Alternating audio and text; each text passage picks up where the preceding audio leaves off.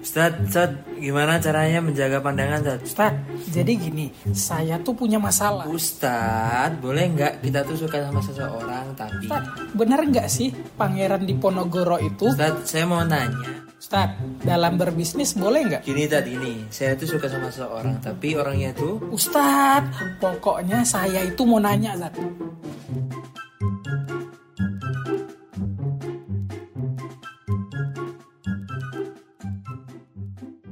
Assalamualaikum warahmatullahi wabarakatuh. Selamat Waalaikumsalam. bertemu kembali, Ustaz. Siap. Nah, saya nggak ngucapin selamat datang nih, Ustaz. Ditanya Yang Ustaz penting ya. datang maupun pergi selamat Masya semua. Allah, amin, insya Allah. Ya. Dan tentunya di program kita yang sangat populer saat ini, Ustaz. Tanya, Ustaz. Yang keempat. Nah, insya Allah. Ustaz tanya kapan dia? Tanya Ustaz terus. Biasa kalau Ustaz tanya justru horor, Ustaz. yang ditanya bingung jawabnya. Ustaz. kuis. Oh, kuis ya. Ya, siap. siap. Oke. Nah, Ustaz, kita karena kemarin di pekan lalu ada banyak protes, Ustaz. Katanya durasinya kependekan. Oh iya, kan kita 35 menit lebih Iya, padahal. Oke. iya, maka insya Allah kita Oh, akan iya. coba perpanjang untuk kesempatan hari ini. Siap. 26 menit lagi. Ya, paling 36 menit Ustaz. 35 menit 41 detik ya. Gitu. Oke, Ustaz. Langsung ke pertanyaan pertama. Ini pertanyaan langsung mistis, Ustaz. Horor. Iya, horor. Ustaz, ketika pernah saya pada saat malam Jumat menemukan ada kaki seribu atau kelabang di tempat tidur. Mm. Kemudian pas mau diambil, tiba-tiba kelabangnya hilang. Terus itu bagaimana, Ustaz? Ya gimana gimana? Jumatnya Jumat apa? Oh tambah lagi nanti Jumat Jumat. Kliwon, Jumat Wage, apa Jumat Paing gitu ya. Yang pertama yang jelas memang ada binatang-binatang tertentu yang bisa menjadi bahaya bagi kita. Apalagi yang namanya kelabang ya. Ada dua yang kakinya banyak ya, ada kelabang, ada keluing, kolipan. Nah kalau yang berbahaya yang kelabang ya, karena itu eh, punya bisa di gigitannya, perlu diwaspadai. Nah, maka yang pertama harus jaga kebersihan. Ya, jadi kebersihan itu kenapa disebut bagian dari iman? Iman itu ya artinya aman juga gitu ya. Kalau kita bersih, insya Allah kita aman.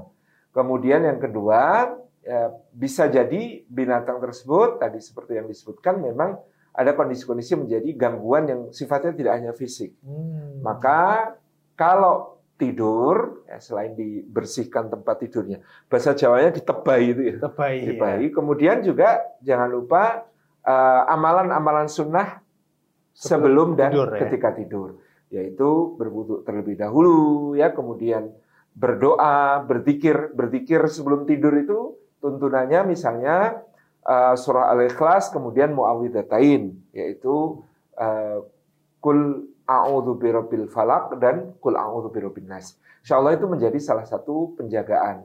Ada tuntunan sunnah misalnya setelah eh, membaca surah-surah itu kemudian ditiupkan ke tangan untuk kemudian di apa namanya? lalu Usap. sesudah itu diusapkan ke muka dan tangan. Itu juga menjadi salah satu ikhtiar pelindungan. Doa, kemudian adab-adab tidurnya dijaga juga.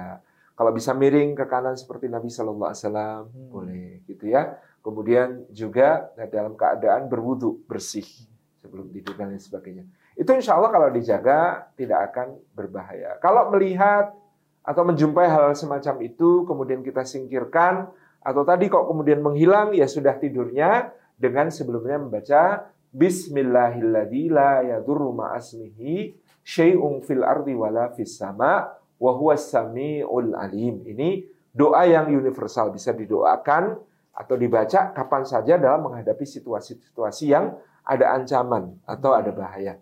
Bismillahi dengan nama Allah alladzi yaitu zat yang la yadurru ma'asmihi tidak akan berbahaya segala sesuatu di langit dan bumi ya syai'un fil ardi wala fis sama tidak akan berbahaya dengan menyebut namanya sesuatu yang ada di langit maupun di bumi wa samiul alim dan Allah Maha mendengar lagi Maha mengetahui. Masya Aman Allah. insyaallah. Insya Allah aman ya, Ustaz ya. Kelabang itu jantan.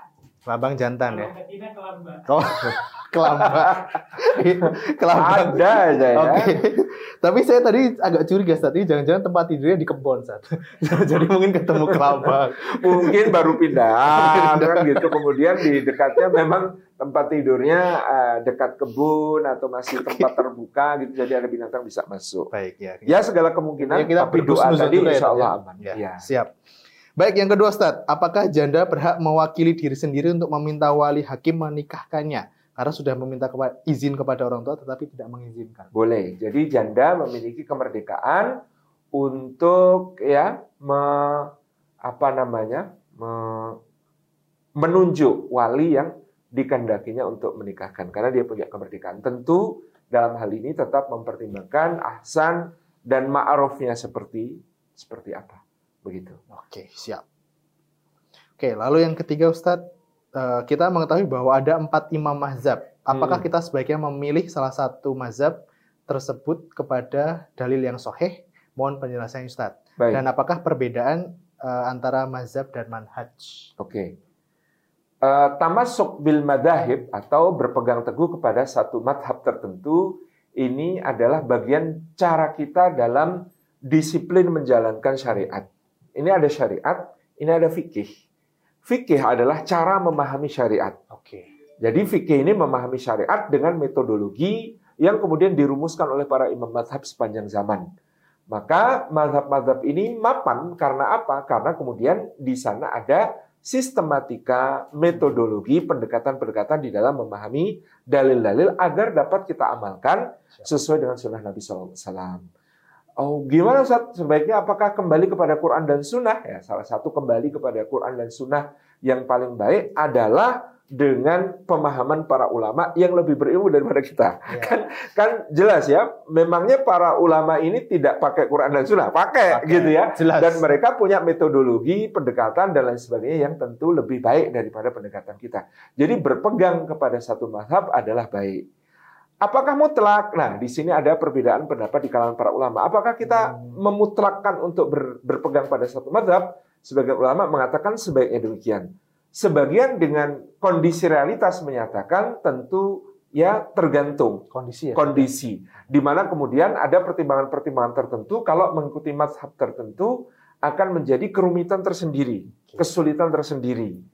Contoh. yang sering disampaikan dibahas di Indonesia adalah tentang menggunakan mazhab Syafi'i ketika kita tawaf di Masjidil Haram. Wah, Jadi kalau Susah, kita ya. mengikuti mazhab Syafi'i, maka menggunakan dalil dari Sayyidina Abdullah bin Umar yang kemudian diteguhkan oleh Al-Imam Syafi'i, bersentuhan kulit laki-laki dan perempuan itu membatalkan wudhu. wudhu. Aula mastumun nisa, kata aula mastumun nisa dalam Al-Quran, atau kamu menyentuh perempuan, dimaknai secara harfiah, yakni menyentuh kulit, itu membatalkan wudhu.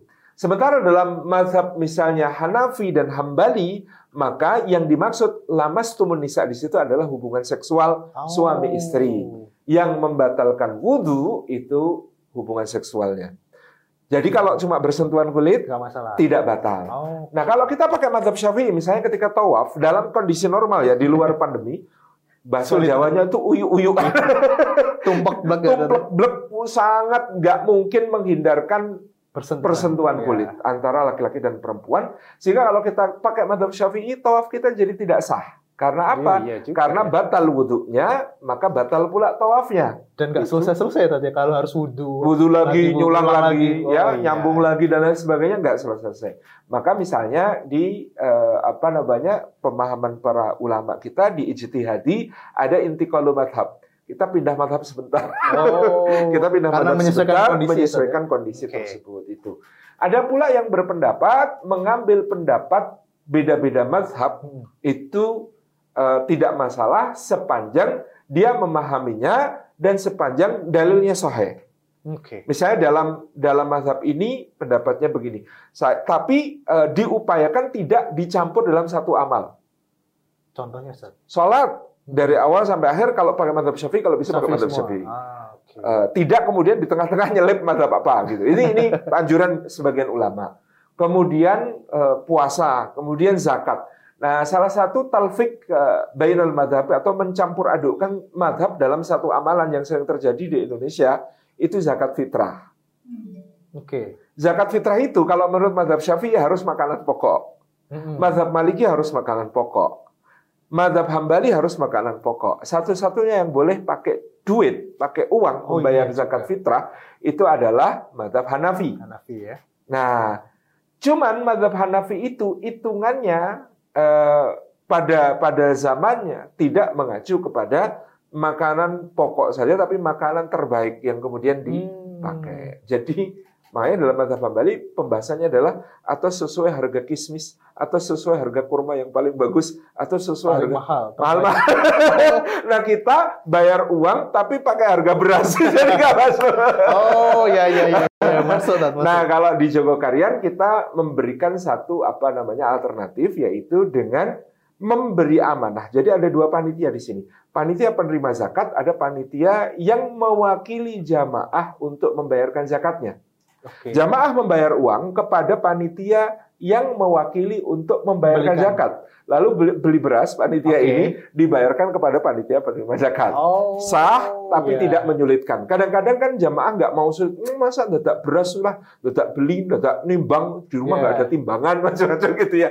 Nah itu disolusinya dengan cara seperti itu. Jadi bayar zakatnya tetap pakai makanan pokok. Tapi dengan mewakilkan kepada pengurus masjid Ya, untuk ya. membelikan beras ya Tat ya. ya Oke. itu salah satu. Wah, contoh. solutif banget Tat. Oke, Jadi memang ini eh, apa namanya ada tidak ada satu kesepakatan umum tentang apakah wajib eh, tamasuk bil madhab Hmm. atau berpegang teguh kepada satu madhab saja. Tetapi dalam rangka mendisiplinkan kita memahami syariat, penting untuk mempelajari bagaimana metodologi para ulama kita dalam memahami syariat lewat madhab-madhab. Gitu. Tadi apa bedanya madhab sama manhaj? Manhaj, tadi ya? Manhaj itu artinya bisa sistem. Misalnya syariat atau wa minhaja. Ada syariat dan sistem kehidupan yang dibawa oleh para rasul. Nah, manhaj di sini adalah juga bisa berarti ya metodologi. Hmm. Nah, saya kadang-kadang agak eh, merasa ada masalah ketika sebagian teman-teman apa-apa disebut manhaj, apa-apa disebut madhab, Eh, apa-apa disebut eh, manhaj karena tidak bisa membedakan antara approach, ya, pendekatan, Pendekatan. dengan metode, metode, dengan metodologi, dengan metodologi. Nah, serendah-rendahnya pemahaman terhadap yang disebut manhaj adalah metodologi Hmm. dalam beragama. Maka ada manhaj ahlus sunnah wal Jamaah. jamaah. Sudah sampai di situ jangan diturunkan menjadi yang lebih remeh-temeh, yang lebih kecil-kecil karena manhaj ini urusan yang besar. Jadi cuma beda ngajinya disebut beda manhaj, beda ustadznya disebut beda manhaj, beda cara memahami satu dalil disebut beda manhaj. Ini nggak betul gitu ya, ini nggak betul. Karena manhaj itu ya tadi sudah selesai manhaj ahlus sunnah wal jamaah di situ ada madhab-madhab itu sudah semuanya termasuk manhaj Ya. ahlus sunnah wal jamaah. Demikian. Siap, Ustaz. Menarik ya. Ternyata langsung tercerahkan. ya. Nah, Iya. ini pertanyaannya mulai ke keluarga, Ustaz. Ini eh, baru nih, Ustaz. Belum pernah ditanyain. Assalamualaikum, Ustaz. Saya punya seorang suami yang Alhamdulillah masih rajin sholat jamaah lima waktu, rajin ngaji, sayang anak, tetapi menyukai konten porno, Ustaz. Mm-mm. Sering eh, setiap kali ditegur, dia merasa kilaf, lalu keciduk lagi, begitu terus sampai usia pernikahan hampir lima tahun. Mm-mm. Nah, saya sebagai seorang istri, Oke. terus sudah merasa menyerah, Ustaz. Haruskah sampai kemudian pisah demi menjaga kewarasan saya agar bisa memfokus mendidik anak dengan mental ibu yang sehat? Baik, ya jadi di situ ada bahaya, artinya sesuatu yang bisa menjatuhkan ke dalam hal yang lebih jauh, yaitu eh, dosa yang lebih besar seperti zina dan lain sebagainya. Maka eh, harus ada kesepakatan, komitmen bersama antara suami dan istri untuk kemudian saling menjaga dalam hal ini. Jadi jangan ditinggal. Ini Iya. suami, dia masih punya kesadaran, dia mesti punya banyak kebaikan. Sisi-sisi yang kemudian dia harus kemudian jaga. Maka sebagai istri bantu dia untuk perlahan-lahan meninggalkan kebiasaan itu. Bagaimana cara membantunya? Satu, sepakati bagaimana cara saling menjaga satu sama lain. Ya misalnya bahwa eh, tetap istri punya akses ke gadget suami gitu ya. Kemudian eh, tetap bisa saling mengingatkan, kemudian bicara hati ke hati apa yang sebenarnya diinginkan suami dari istri tentang hal-hal terkait yang sangat pribadi ini secara seksual. Siapa tahu dengan di apa namanya di, di diberikan hal-hal yang menjadi dalam tanda kutip imajinasi dan lain sebagainya yang dimiliki suami ini mengurangi intensitas dari apa yang dia lakukan itu.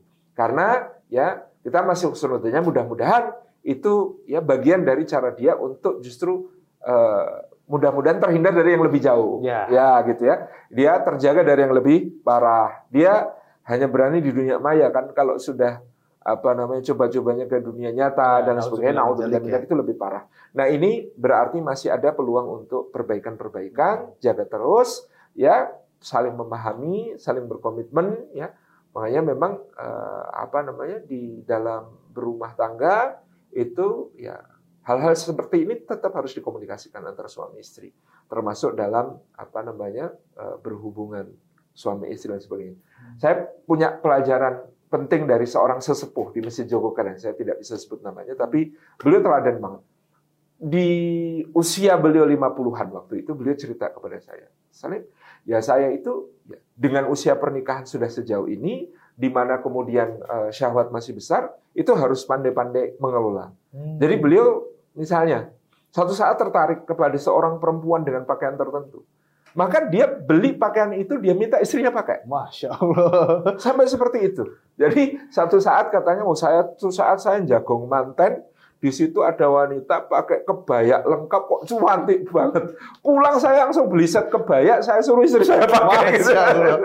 Hebat ya, Jadi, hal itu itu itu karena saya, Keren, saya keren. ingin untuk menjaga, Iya, gitu ya, iya, untuk Masya menjaga. Gitu. Kok ya kepikiran ya? Iya, gitu ya. Inovatif ini. hal-hal tertentu seperti itu. Jadi, ya, nanti ini Mas Fredo nanti juga belajar mungkin harus beli beliin istri baju SMA. Mungkin kalau teman-teman yang laki-laki ini, Tat, eh, kartun-kartun Jepang, Tat, cosplay. Oh, iya. Tapi dalam koridor yang halal Iya, ya. iya. tadi itu berpahala gitu ya, itu berpahala. Variasi juga, Tat, ya. Saya dulu saya dulu ini pengalaman lain. Saya di Apa itu? Gaza. Gaza itu hanya punya satu mall di Gaza City. Hmm. Di satu mall itu ada toko jualan lingerie. Hmm. Saya heran, ini di Gaza jualan lingerie. Dan yang beli bapak-bapak. Oh, sesuai ke- Memang untuk kebutuhan itu. ya. untuk istrinya tadi karena Hmm. dalam upaya-upaya seperti ini ini adalah berpahala untuk Masya menjaga. Allah, mantap. Gitu.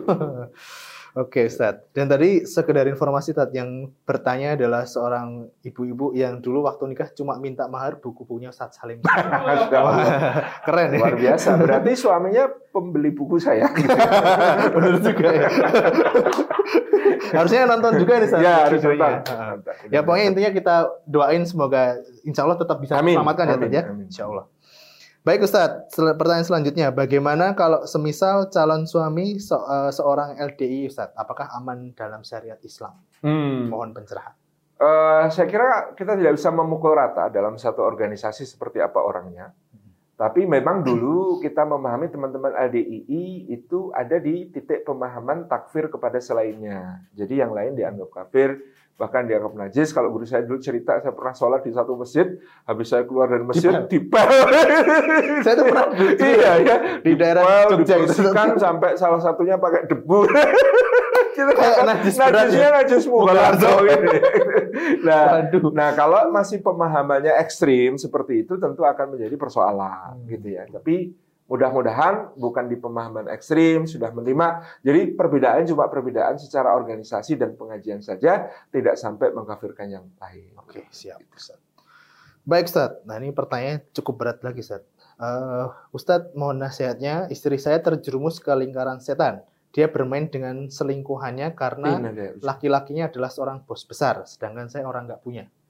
Eh, dia sudah mengasih segalanya keperluan istri saya dan kurang lebih saya tujuh bulan sudah dibohongi karena lima bulan saya sudah menganggur nggak bisa ngasih nafkah. Akhirnya si laki-laki tersebut mendesak istri saya supaya minta cerai kepada saya dengan alasan akan menikahi istri saya dengan embel-embel dikasih mobil, rumah dan usaha Ya Allah. dan segala Apa akhirnya saya jatuhkan talak karena istri yang memaksa walaupun saya terus mempertahankan pernikahan, tapi istri tetap pengen saya talak. Mohon nasihatnya Ustaz. Punya putra-putri belum? Nah, tidak disebutkan Ustaz. Nih.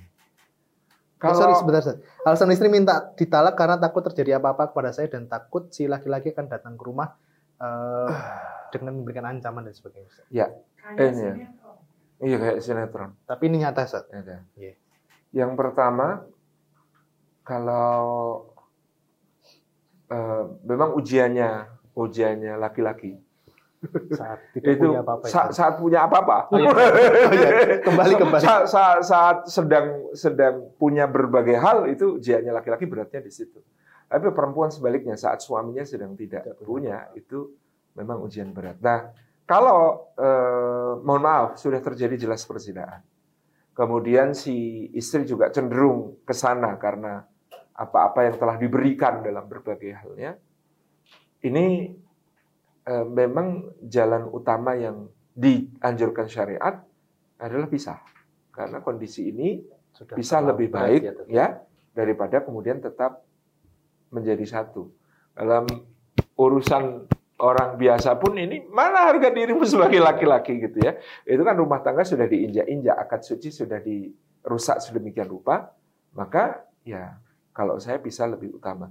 Cuman saya eh, pengen tahu seperti apa kondisi putra-putri Putra-putri, itu nanti ya. kaitannya dengan hak asuh. Karena kalau pengadilan main simple biasanya mana yang memiliki kekuatan Kondisi ekonomi, baik, ya. sosial ekonomi lebih, biasanya di situlah ya apa namanya hak asuh akan diberikan.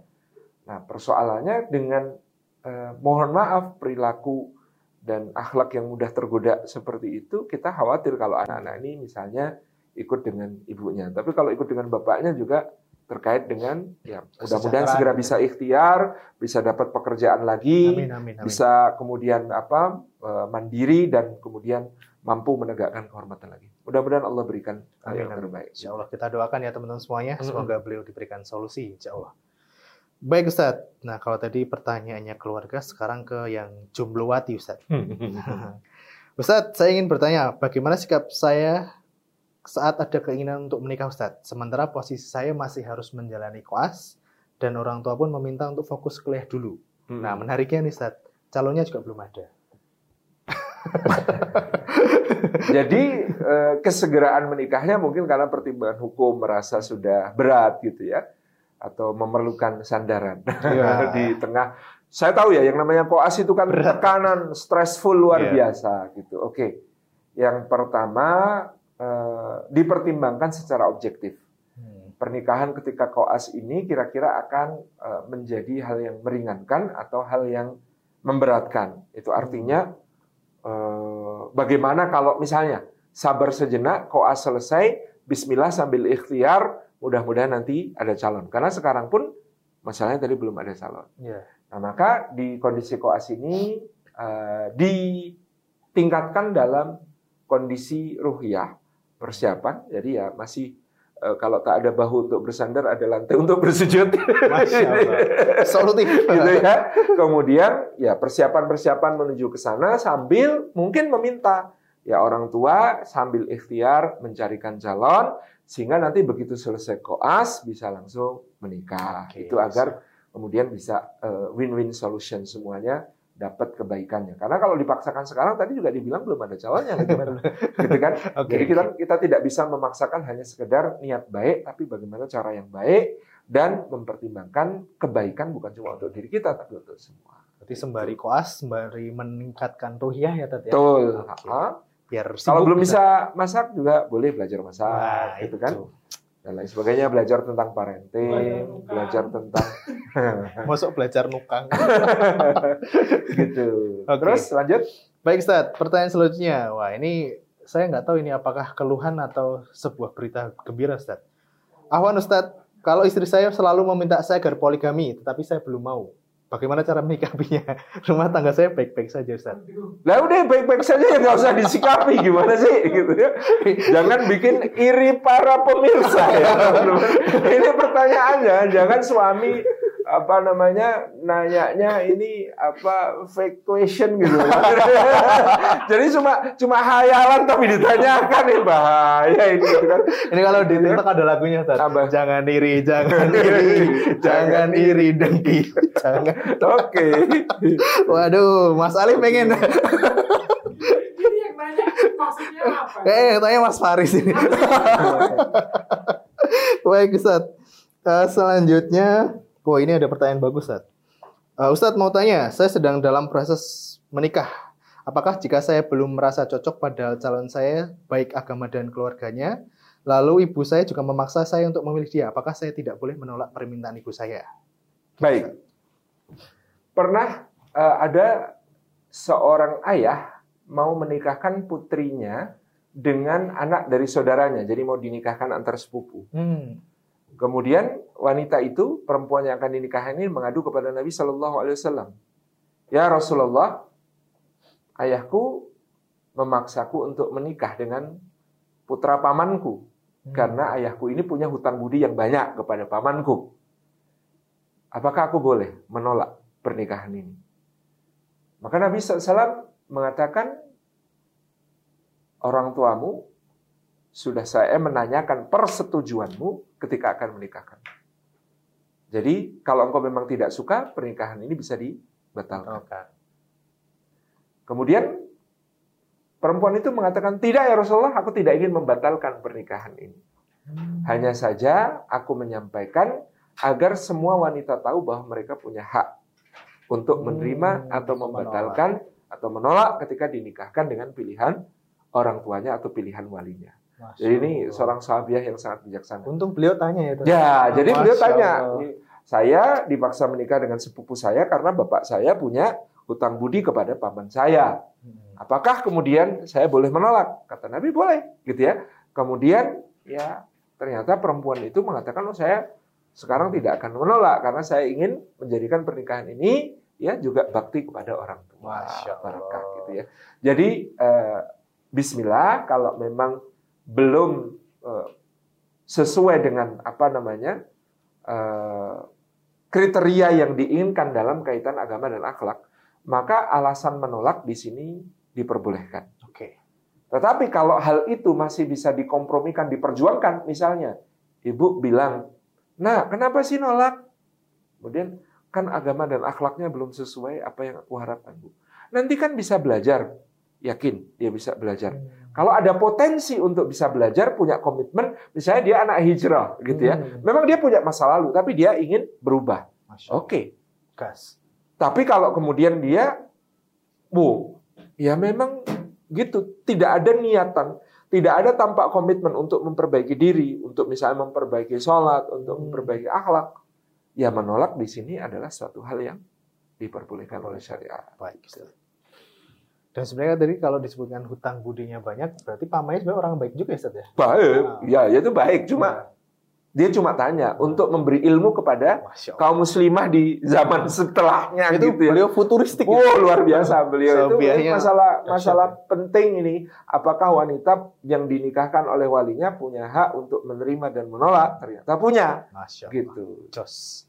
Memang para sahabat ini pertanyaannya cerdas-cerdas. ya? cerdas-cerdas sahabat itu cerdas-cerdas Oke Ustadz, lanjut. Saat akad apabila status mempelai wanita adalah anak angkat yang tidak tahu orang tuanya, apakah jika bintinya dibintikan kepada orang tua angkat, itu tetap sah atau dibolehkan Ustadz? jangan sebaiknya bintinya ke ibunya kalau diketahui ibunya Hmm. kalau tidak diketahui bapak ataupun ibunya tidak perlu pakai binti langsung Jadi nama usah disebutkan saja ya, Tante? nggak usah disebutkan Oke. karena membintikan atau menisbatkan nama kepada yang bukan berhak atasnya itu termasuk dosa Oke. gitu. Jadi tidak perlu dibintikan ya kalau memang tidak diketahui siapa bapak dan ibunya lebih baik kemudian langsung nama walinya wali hakim Hmm, begitu. Baik. Nanti khawatir juga ribet soal hukum waris dan sebagainya. Ustadz. Dah Ah, itu kaitannya. Oke. Baik Ustadz, Eh, ini seorang akhwat yang bertanya usianya 23 tahun. Selama 22 tahun terakhir, saya sudah mempunyai kenalan Ikhwan yang menjadi doa saya selama ini. Mm-mm. Namun beliau sekarang sudah tiga tahun sedang di Turki karena studi. Dan Hmm. saya belum mengenalkannya kepada orang tua. Akan tetapi dalam waktu dekat ini saya malah ditaarufkan dengan salah satu Iwan, Ikhwan dan sudah pertemuan kedua yaitu Nador. Mm-mm. Keduanya sama-sama baik dari pandangan saya. Hanya saja kecondongan hati dan pilihan saya berbeda dengan orang tua. Nah, Si Ahwat ini tetap menunggu Ikhwan yang di Turki, sedangkan orang tua yang menginginkan Ikhwan yang satunya yang, uh, Yang sudah jelas datang. lebih pasti dan takut saya umurnya ketuaan. Ya. Nah, bagaimana sarannya Ustaz? Oke. Yang pertama istikharah, jangan lupa. Dan ketika istikharah, coba kesampingkan dulu hal-hal pribadi. Artinya, bahkan Imam Syafi'i itu sampai mengatakan ya, kalau kamu dihadapkan pada pilihan yang sama-sama baik, pilihan sama-sama baik, kamu tidak tahu di mana ridho Allah. Ta'si hawak, durhakai hawa nafsumu. Masya Allah. Pilih ya? Yang paling kamu tidak suka. nggak pengen, nggak pengen, bukan nggak suka. Oh, nggak pengen ya? nggak pengen. Kalau suka suka semua Oh, harusnya, iya. karena baik semua kan gitu ya. Tapi pilih yang kamu paling tidak menginginkan. Karena dalilnya Imam Syafi'i, Inna nafsa la ammaratum bisu. Kalau itu sudah hawa nafsu, pasti hawa nafsu itu membawanya kepada keburukan. Ah. Jadi kalau kalau diharapkan bilang, wah ini enak ini pilihannya sama-sama baik, ya, tinggal milih mana yang diri diri dari Allah, mana yang paling diri dari Allah. Rumusnya kata Imam Syafi'i, pilih yang paling menyelisih hawa nafsu. Jadi kalau ada pilihan ini, wah ini saya lebih pengen sama ini soalnya apa? Misalnya hawa nafsu kita pada gantengnya, Hmm. Kedorongnya Ke situ terus. ke situ terus secara syahwati. Udah pilih yang satu, insya Allah itu lebih berkah. Memang berat. Ini nasihat Imam Syafi'i ini berat. Saya kalau disuruh mengamalkan juga belum tentu mampu ya. Untungnya saya tahu nasihat ini jauh setelah menikah.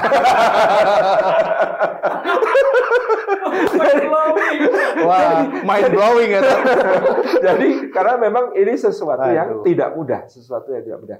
Tapi di situ kata Imam Syafi'i engkau akan dapati keberkahannya karena inna nafsala amaratum bisu karena hawa nafsu itu pasti ya eh, menyuruh kepada keburukan. Hmm. Yang kedua faktor ridho orang tua. Kemarin kita sudah bahas Oh iya. hampir ya saya mendapati bahkan meskipun nikahnya baik-baik tapi kalau orang tua belum ridho itu ada masalah. Ya.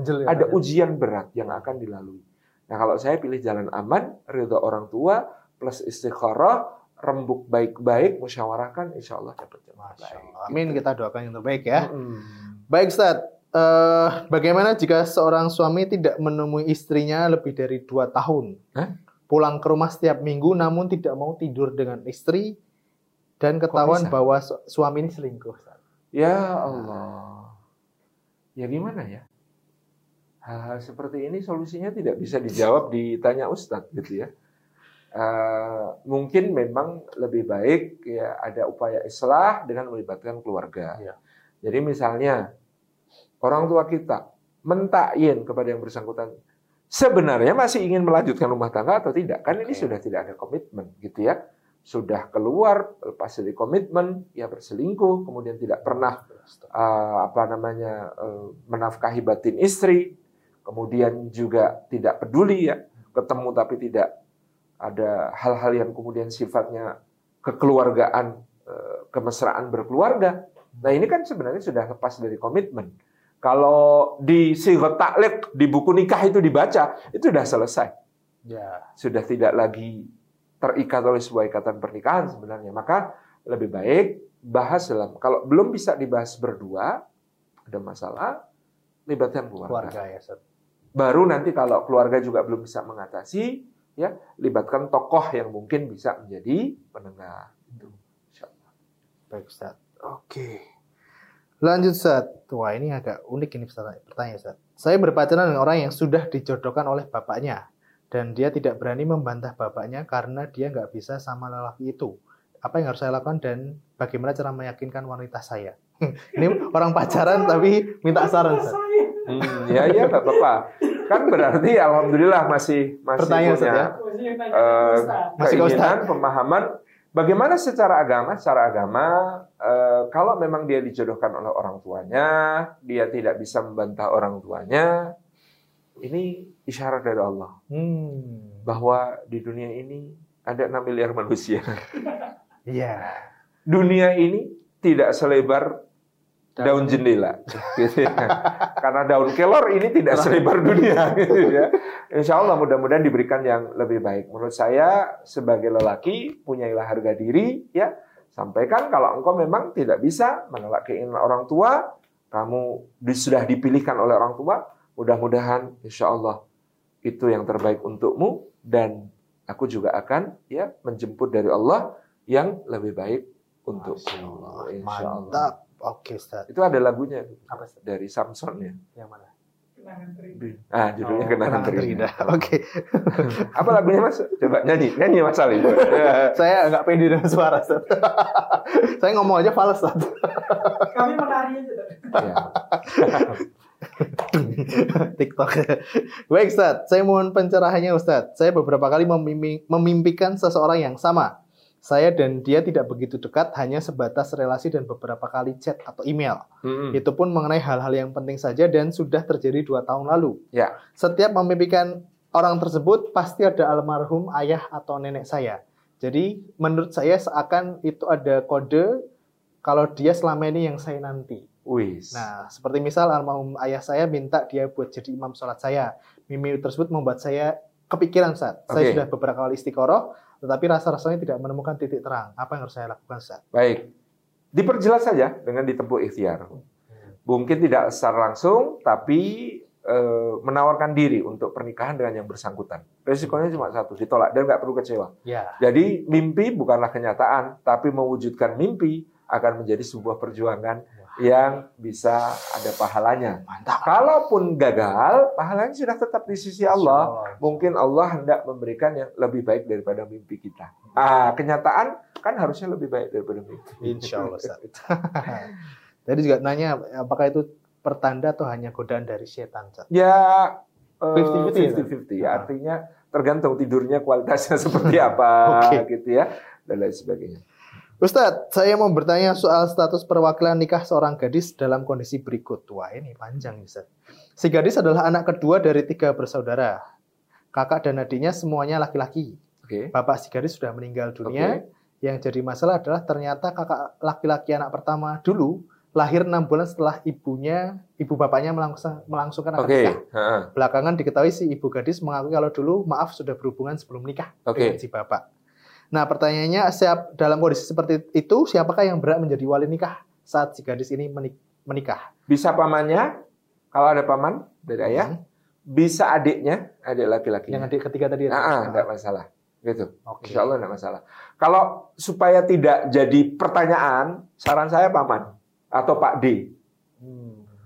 Itu ada kakaknya kok adiknya yang nikahin kan jadi pertanyaan. Oh iya benar. Kan jadi pertanyaan, Biar nanti aman ya, malah Ustaz, ya? membuka aib, nggak bagus, Oh, nggak iya, bagus. iya, iya. Jadi lebih baik, misalnya paman, Paman. uak, atau kalau ada kakek, kakek gitu ya, itu lebih lebih. Oh masuk. ini Sat, ada kondisi lain Sat. Si bapak yang tadi meninggal itu anak tunggal Oh, sorry. dan kakeknya sudah tidak ada. Oke, berarti adik. Adik. Ya, berarti adik yang berhak. Gitu. Pusing guys. Tapi insya Allah solusinya adik berarti ya. Ya, Oke. Insya Allah adik berhak. Atau misalnya tadi nggak pengen jadi rame, ya misalnya si adik akad wakalah kepada petugas KUA Pak, saya mewakilkan Oh, menikahkan kakak perempuan saya, di mana saya sebenarnya yang berhak menjadi walinya, tapi supaya tidak ada pertanyaan, Oke. bapak yang menikahkan. Main Boleh. aman ya Tat ya? Oke. Abangnya merantau dulu aja. Oh iya, abangnya Abangnya jauh. Nggak bisa pergi. Jangan gitu. ya gitu. Oke Sat, lanjut. Wah ini pertanyaan fikihnya detail-detail. keren Iya, sekali. ini makin rumit ini. Lanjut. Ustadz, saya menikah sudah hampir 12 tahun dengan pria yang pernah menjadi pacar saya selama 9 tahun. Wih, pengalamannya panjang. Lebih Hingga dari kini- kredit rumah. Dan hingga kini kami masih belum dikaruniai anak. Oh, jin. Selama pernikahan, emosi saya sering tersulut karena kesalahan-kesalahan kecil yang dilakukan suami, hingga saya sering berkata dan bersikap tidak sopan pada suami. Hmm. Apakah pernikahan kami tidak diridhoi Allah karena saya mengawali dengan pacaran? Apakah pilihan kami untuk menikah adalah kesalahan dan bercerai merupakan pilihan terbaik agar kami diridhoi Allah? Hmm, Enggak. Kalau sudah menikah, menikah itu lebih baik daripada pacarannya. Ya. Jadi eh, artinya ya sekarang kalau memang dahulu dosa yang dilakukan di saat pacaran itu belum ditaubati secara khusus, keduanya sekarang silakan taubat nasuha, ya mohon ampun kepada Allah. Kemudian ya ter, perbanyak istighfar. Salah satu jalan supaya Allah mengaruniakan karunia-Nya kepada kita perbanyak istighfar, perbanyak istighfar, perbanyak istighfar. Ikhtiar fisik yang dicontohkan oleh Ibnu Qayyim al-Jauziyah, hujan-hujanan berdua. Ah, Wah, ini jarang Jadi- yang banyak tahu, Sat. Ya. Itu teknisnya gimana, ah, cari tempat yang tertutup tapi atasnya bisa Hujan langsung. hujan. Oh, oke. Kemudian hujan-hujanan berdua sambil berdoa kepada Allah, mohon dikaruniai keturunan. Harus Karena pakai alas kaki nggak usah. nggak masalah pakai baju lengkap juga nggak masalah Oh, gitu ya. Karena eh, hujan-hujan di sini ini menurut Ibnu Qayyim al Jauziyah dalam Atibun Nabawi ya karena Allah itu ya yuhyil arda ba'da mautiha. Allah menghidupkan bumi sesudah matinya itu dengan air hujan. Kita nanam biji kita sirami pakai air sumur sendiri itu prosentase tumbuhnya pasti lebih kecil daripada tiba-tiba ada hujan lalu biji-biji itu tumbuh Masya Allah. Arda ba'da mautiha. Maka karena kita ini tercipta dari tanah, sama dengan Oh, bahannya oke. bumi, mungkin ada bagian-bagian yang selama ini non aktif gitu ya. Ah, oke, oke. Selama ini tidak subur siram dengan air hujan, maka insya Allah menjadi Allah. Logis ya tadi. Logisnya Tanah kering disiram air hujan ya. itu bisa subur, apalagi manusia yang terbuat dari tanah. Kemudian kalau dulu saya pengalaman, jadi saya eh, nikah eh, dua kali keguguran baru ada hilma, habis hilma ada dua kali keguguran dan jarak panjang. Kemudian kami disarankan ikhtiar untuk ya mendetoks tubuh. Hmm, Waktu itu caranya dengan mengkonsumsi perasan jeruk nipis. jeruk nipis. Setiap pagi sebelum makan apa pun, minum apa pun, itu selama kurang lebih 15 hari. Itu tanpa dicampur apa pun Tanpa dicampur apa pun. Hari pertama satu jeruk nipis per orang. per orang. Per orang. Suami istri ya. istri. Oh, Oke. Hari kedua tiga. Wah. Hari ketiga lima. Hari keempat tujuh. Hari kelima sembilan. Sampai hari ke delapan lima belas kan. Hmm, Nanti hari ke sembilan turun lagi tiga belas. Oke. Hari ke sepuluh dua eh, sebelas. Hari ke Sebelas.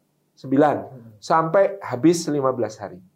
Alhamdulillah dari eh, beberapa teman yang sudah kita sarankan itu berhasil. Kalau saya dulu habis itu terus berudul.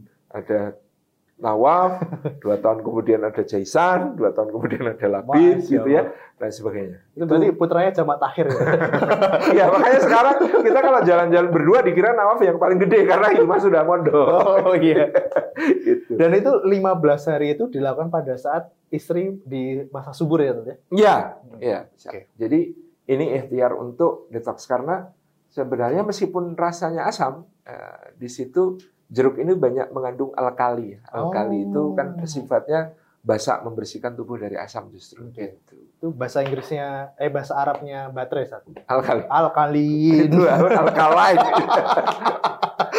Oke, Sat. Lanjut ke pertanyaan selanjutnya. Ini filosofis nih, Sat. Mengapa Allah menciptakan hukum perceraian padahal dia tidak suka terhadap perceraian? Wah, susah ini. Jadi kalau yang tidak ada hukum perceraian itu di agama Katolik. Oh, gitu ya. Nah, ah, karena ada ayat di dalam Bible yang mengatakan apa yang sudah dipersatukan Tuhan tidak boleh dipisahkan oleh manusia. Wah, Ah, mantap. gitu ya. Itu di dalam agama Katolik. Di dalam Islam, Islam itu agama yang wakil, yang realistis. Hmm. Kalau bertetap berkumpul bersatu itu lebih mudorot, lebih membahayakan, lebih menyakitkan, Hmm, ya, lebih misalnya terjadi KDRT parah gitu ya, terjadi kemudian kezaliman kepada salah satu pihak, terjadi kezaliman bagi anak-anaknya, tumbuh dalam keluarga yang diusahakan gitu. tetap bersatu tapi benar-benar nggak kondusif. Dia melihat contoh jelek terus tiap hari. Kasihan ya. Kan kasihan. Nah, maka Islam itu wakil, realistis kemudian memberikan jalan ada kondisi di mana bercerai itu lebih Hmm. baik. Oke. Nah, ah, hadis abghadul halali indallahi talak. Eh, Hal yang paling dibenci Allah tetapi halal di sisinya adalah cerai. Hadisnya tidak mencapai derajat sahih. Oh. Jadi meskipun itu kita bisa ambil sebagai itibar Allah nggak suka perceraian, ini kan dikatakan kepada orang yang pernikahannya baik-baik saja. Hmm. Kalau pernikahanmu baik-baik saja ngapain cerai gitu ya. Jadi Iya, Allah iya. tidak suka perceraian. Tetapi ketika kemudian keadaan perceraian memaksa, keadaan itu memaksa untuk adanya perceraian, ya sudah. Ya, Nah, yang tidak boleh juga ada halal tapi tidak boleh, Mas. apa itu, Sat? Nabi SAW bersabda, Allah benci kepada lelaki yang suka mencicipi dan perempuan yang suka mencicipi. Dijelaskan apa maksud mencicipi ya Rasulullah? Dia menikah dengan seorang perempuan, kemudian bercerai, kemudian menikah lagi, kemudian bercerai, Oh. kemudian memudah-mudahkan cerai. Dalam jangka waktu yang pendek gitu. Dalam jangka waktu yang pendek, nikahin wanita, dicerai lagi, nikahin wanita, dicerai lagi, dan lain Hmm, sebagainya. astagfirullah. Terlepas motivasinya apa, yang Walaupun seperti halal. itu, ya halal itu tidak boleh. Makanya gue nanya, ngicipi itu halal aja nggak boleh, apalagi haram. Oh, iya juga ya. Ngicip aja. Icip-icip itu suka icip-icip itu halal aja nggak boleh, apalagi haram. haram. Gitu ya. Oke. Jadi ini nggak boleh. Saya dengar ada artis yang atau selebritis Indonesia yang punya perilaku semacam itu. Harus harusnya diingatkan itu nggak boleh, gitu ya. Jadi ini yang eh, halal tetapi nggak boleh. Ya, Halal tapi dosa karena dibenci Allah itu berarti dosa. Gitu. parah ya. Oke, Ustaz. Ustadz, mohon bantuannya. Ibu sangat ingin adik saya lulus kuliah. Sudah dua tahun ini adik saya sering bermain judi forex, berbohong, menipu, dan menjual barang-barang ibu. Padahal ibu ini seorang single parent, Ustaz. Mm-mm. Dia pun meminta ibu saya pinjam uang ke bank, bilangnya untuk bayar kuliah padahal untuk digunakan judi. Berulang kali dia menyatakan tobat tetapi selalu dilanggar. Saya sudah sering mengingatkan ibu menunjukkan bukti kebohongan adik, tapi dia selalu menyangkal dan menutupi kesalahannya. Nah, dan akhirnya dia menghindari si kakak ini, Ustaz. Mm-mm. Nah, apa yang harus dilakukan eh, si kakak ini untuk menolong ibu dan adik saya dan mohon doanya agar ibu dan adik saya Amin, mendapatkan hidayah. Ustaz. Ya Allah. Berbanyak doa yang pertama baik untuk si kakak ini maupun ibu. Ibu harus banyak berdoa karena doa ibu yang di sini paling mustajab. Posisinya ibu, posisinya terdolimi oleh perilaku anaknya, Iya. harusnya perbanyak doa karena doanya ibu mustajabah sekali. Jadi ah, mudah-mudahan Allah karuniakan taubat nasuha, Allah perbaiki keadaannya, Allah jadikan dia sebagai ah, anak yang soleh lagi. Gitu ya. Kemudian ah, bantu ibu untuk mendisiplinkan si adik ini agar tidak jatuh ke dalam kebiasaannya. Iya. Budgetingnya diatur sedemikian rupa. Setiap bulan minta uang kepada ibu berapa, nggak boleh lebih, nggak boleh apa namanya dan lain sebagainya. Kalau perlu ya carikan orang yang bisa menjadi eh, penterapi untuk keadaannya Hmm. si adik, yang bisa mendampinginya, yang bisa kemudian mencegahnya dari hal yang buruk, yang bisa kemudian membawanya ke arah yang lebih baik. Kalau perlu rehabilitasi karena kondisi judi itu candunya sama dengan khomer. Ya, parah ya. Ustaz. Ya, ini berbahaya. Mudah-mudahan Allah berikan jalan terbaik. Amin, insya Allah. Baik, Ustaz. Pertanyaan selanjutnya. Bagaimana ukuran atau perbandingan wujud birrul walidain antara orang tua dan mertua itu seberapa besar, Ustaz? Dari Hmm. segi harta dan waktu. saya LDM. Ibu saya 60-an tahun sendiri dan tidak mungkin pakai gadget. Sedangkan mertua saya lengkap. Saya- Oh iya iya. Saya sudah mencoba adil, selalu mengutamakan mertua dibanding ibu yang hidup sendiri sebagai wujud birrul walidain. J, J, J. Siap. Eh, tentu tidak bisa dihitung persentase-persentasean ya. Tapi ya lihat situasi dan kondisi. Tadi disebutkan ibu tidak bisa bergadget, tinggalnya jauh, tentu perlu apa namanya perhatian lebih. Nah, bagaimana caranya untuk selalu keadaannya diketahui ya. Misalnya kita punya tetangga, tetangga ki- di tetangganya ibu Hmm. yang bisa dikontak, dimintai tolong, kita misalnya memberikan uh, imbalan sekedarnya untuk direpoti di telepon Hmm. uh, waktu-waktu tertentu atau nyambungin telepon dengan ibu ya. Sekedar megangkan masa nggak bisa gitu ya. Ya. nah itu misalnya kita uh, caranya begitu. Kemudian berkunjung tentu bisa diatur waktunya disepakati dengan pasangan bagaimana kemudian berbakti kepada ibu dalam kondisi seperti ini. Ya kemudian eh, apa namanya mengirimkan eh, hal-hal yang diperlukan oleh ibu ya. Hal misalnya belanjanya dan lain sebagainya yang kemudian bisa memudahkan beliau. Insya Allah ini dihitung sebagai birrul walidain insya Allah Insya Allah Ustaz ya. Baik Ustaz, nah ini masuk ke pertanyaan yang agak unik Ustaz. Assalamualaikum Ustaz, saya bertanya eh, mengenai mandi wajib seorang wanita jika wanita tersebut mengeluarkan cairan dari kemaluannya setelah bermesraan. bermesraan. Maaf kadang sampai orgasme dengan suami. Apakah harus mandi wajib Ustaz? baik Dan apa saja yang mewajibkan seorang wanita harus mandi wajib? Baik. Jadi para ulama membahas tentang eh, madhi, wadi dan mani itu selain pada laki-laki juga ada pada perempuan. Ya. Apa bedanya? Madhi adalah cairan yang bening yang keluar dari kemaluan ketika dalam keadaan dia terangsang. Nah, ini kalau dia sebatas madhi maka tidak mewajibkan mandi. Cirinya apa? Madhi itu bentuknya bening tipis. Ya jadi jadi tidak tidak tidak kental gitu ya. Eh, Encer itu yang disebut sebagai madhi. Dan sifatnya madhi najis. Ah, misalnya nanti kena di celana dalam atau pakaian dalam, itu nanti pakaian dalam itu tidak bisa dipakai untuk sholat. Bagaimana cara membersihkannya? Dibersihkan seperti sifat ketika buang air kecil. Jadi eh, hukum untuk madhi seperti buang air kecil. Ini bisa terjadi pada laki-laki maupun perempuan karena di hadis ada Sayyidina Ali bin Abi Thalib mengutus Sayyidina Mikdad radhiyallahu anhu kepada Rasulullah untuk bertanya ya tentang madhi, ya tentang cairan yang keluar ketika seorang laki-laki terangsang ketika melihat perempuan atau melihat apa gitu ya. Kemudian ya apa sifatnya? Dia najis.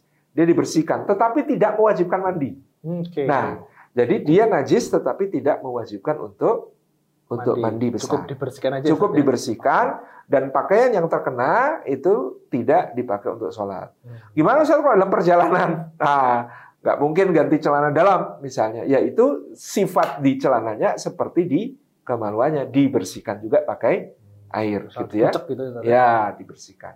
Itu kaitannya dengan madi. Madi. Nah, ini madi juga ada pada perempuan tadi. Perempuan nyun sewu terangsang basah, kemudian eh, sifat cairannya itu maaf eh, bening ya, eh, tidak kental, nah, maka itu dihukumi sebagai madi. Madi. Tapi kalau tadi disebutkan sampai terjadi orgasme, kemudian eh, apa namanya, atau keluar eh, mani, ada ada perbedaan pendapat. Apa perempuan juga mengeluarkan mani, gitu ya?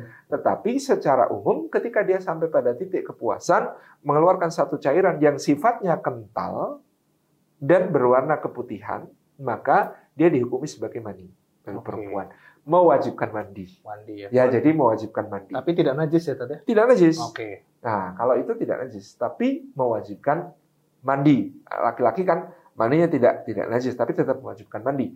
Perempuan, apalagi tadi disebutkan kalau dia sampai orgasme, sampai eh, apa namanya kondisi puas, maka kemudian dia wajib mandi. Ada yang nggak keluar apa-apa tapi wajib mandi. Apa itu? Bertemunya dua khitan. Oh ya. Jadi meskipun minta maaf, ada kondisi di mana suami istri sudah mau berhubungan, kemaluan laki-laki sudah Bertemu. menyentuh kemaluan perempuan, anaknya bangun nangis. Wah, ini ujian ya tadi. Misalnya, Ujian. gitu ya. Ujian Misalnya berat. anaknya bangun nangis, terus kemudian tidak jadi dilanjutkan. Hmm. Meskipun belum masuk sepenuhnya dan belum keluar apa-apa, ya tidak tidak misalnya tidak mengeluarkan mani ataupun mandi, tapi bersentuhnya dua khitan itu sudah mewajibkan Oh, mandi. Oke. Berat, berat, berat. Ya, itu ujian Aku belum nikah. untuk anaknya yang masih kecil-kecil kayak Mas Ale itu ujian. Oh ya tadi Ustaz tentang kondisi wanita seperti apa yang harus mandi wajib Ustaz? ya tadi sama gitu ya. Itu aja ya. Ah, ah, sama tentu setelah selesai haid, Ya. ya, kemudian setelah selesai nifas, eh, hal seperti itu. Baik Ustaz. Tapi ada pembahasan di kalangan para ulama tentang bedanya mandi selepas haid dengan mandi setelah berhubungan suami istri. Ada beda, ya? Kalau mandi setelah haid itu dengan hadisnya eh, Sayyidah Ummu Salamah radhiyallahu anha, hadisnya Abdullah bin Umar yang kemudian memberikan syarat wanita agar menyela-nyelai rambutnya yang tebal. Jadi air itu harus mengenai Kulit kepala. kulit kepala, rata takmim seluruh jasad. Itu kalau setelah haid. Kalau setelah haid. Oke. Nah, biasanya di bulan Ramadan banyak istri nggak mau berhubungan suami istri di malam hari Ramadan karena nanti kalau mandi sebelum subuh masuk angin Soalnya dia. karena apa namanya eh, rambutnya basah sampai ke dalam. Nah, ibunda kita Aisyah menjelaskan ya pada suatu musim dingin ada yang bertanya, bunda kami eh, berhubungan suami istri kami harus mandi sedangkan cuaca sangat dingin menyelanya sampai rambut itu bisa membuat kami bisa demam sakit. Nah, maka dari mana kalian mendapat keterangan mandi setelah jima itu harus sampai ke dalam itu? Dari Ibnu Umar kata ibunda kita Aisyah, Innalillahi, apakah Ibnu Umar ingin wanita binasa? Gitu ya. Jadi maksud beliau ini salah paham Ya. mandi yang dijelaskan Ibnu Umar itu mandi setelah haid. Kalau aku diajari Rasulullah SAW setelah berhubungan suami istri, maka untuk mandi wajibnya membasuh bagian rambut itu cukup tangan dibasahi, rambut diusap, selesai. Oh. itu fikihnya ibunda kita Aisyah radhiyallahu anha. Jadi ini hadis yang sangat menarik untuk Hadis dikaji. bedanya orang dalam sama orang luar. ya karena ibu kita Aisyah Iya. diajari langsung oleh Nabi Shallallahu Alaihi Wasallam. Masya Allah, Gitu. Masya Allah. A1. A1 ini info infonya A1. satu. Gitu. Baik Ustaz. Nah ini Masih ada waktu? masih ada Ustaz. Ustaz bagaimana hukumnya mencium jenazah bagi yang bukan keluarga, saudara atau yang bukan mahram? Setelah dimandikan ya maksudnya jenazah ya. Mungkin Ustaz. Kalau eh, sesama jenis tidak ada persoalan pembahasannya. Nanti akan berbeda kalau kemudian lawan jenis kemudian mencium ya. Eh, di sini tentu perbedaan pendapatnya apakah bersentuhan kulit itu membatalkan kondisi sucinya atau tidak. Oh Nah, iya. gitu. Jadi itu yang diperhatikan. Tapi secara umum nanti para ulama akan mengatakan ya kalau sudah wafat ya tidak ada masalah karena dia sudah bukan lagi makhluk yang hidup yang terkait konsekuensi suci ataupun najisnya. Oke. Kita masuk pertanyaan terakhir Ustaz. Oke. Eh, bagaimana cara mendapatkan calon istri yang ahli Al-Quran? Karena saya pernah melamar anak yang ahli Al-Quran tapi ditolak. Padahal saya, padahal niat saya melamar hanya untuk mendapatkan ridho dan surganya Allah. Ya kan ahli Quran nggak cuma satu. Cari di pesantren-pesantren tahfidzul Quran mana yang terbaik, yang mengamalkan Quran dan yang terpenting yang Mau. Gitu ya, insya Allah. Ini yang paling berat sebenarnya. Atau kalau nggak sanggup ya nyari sendiri ya cari ustadz yang ahli Quran, belajar Quran padanya. Siapa tahu rezekinya dinikahkan sama Masya Allah. ustadz tersebut dengan uh, wanita yang juga ahli Quran. Karena kita juga tidak bisa maksa ahli Quran mau sama kita kalau kita tidak punya komitmen kepada Wah, Quran. itu Gitu. dia. Ini ya minimal meskipun nggak hafal tapi mau ngaji Quran kepada ustadz yang ahli Quran kan nanti Kecipratan. uh, ya, Pak? circle-nya kan dapat. Oh, circle ya. Circle-nya kan dapat. Jadi supporting sistemnya itu enggak toxic ya Tat, ya? Siap, betul sekali. Bahasa. Nah, janda Baik, Ustaz. melihara anak yatim. Masya Allah, ini teman-teman semuanya pertanyaannya masih banyak banget, tapi karena kita terbatas soal durasi ya teman-teman, insya Allah kita lanjutkan di sesi selanjutnya dan kita tutup Ustaz untuk kesempatan kita pada sore sore lagi pada hari ini ketahuan Malam ya. ini. Oh, udah malam ya. Udah malam. Baik, terima kasih Ustaz. Semoga selalu sehat Amin, dan amin. selalu Terima dalam Allah. Tanya lagi boleh. Tanya lagi boleh. Kirim pertanyaan sesuatu gitu ya. Insya Allah, insya Allah kita akan selalu hadir di setiap Ahad malam. Insya Allah Jam 8 malam. 8 malam. Oke, Allah. dan sampai jumpa di Tanya Ustaz. Oh iya, Majelis Jak Nabi tiap Kamis jam 4 sore. Pokoknya jangan lupa yang belum daftar langsung cek bio-nya Ustadz, klik link ada di situ. Iya. Dan jangan lupa produk-produk dari Proyu Media dan Full Heart selalu menghiasi Tanya Ustadz dan insya Allah akan berada di rumah teman-teman semuanya. Terima kasih. Assalamualaikum warahmatullahi wabarakatuh. Assalamualaikum warahmatullahi wabarakatuh.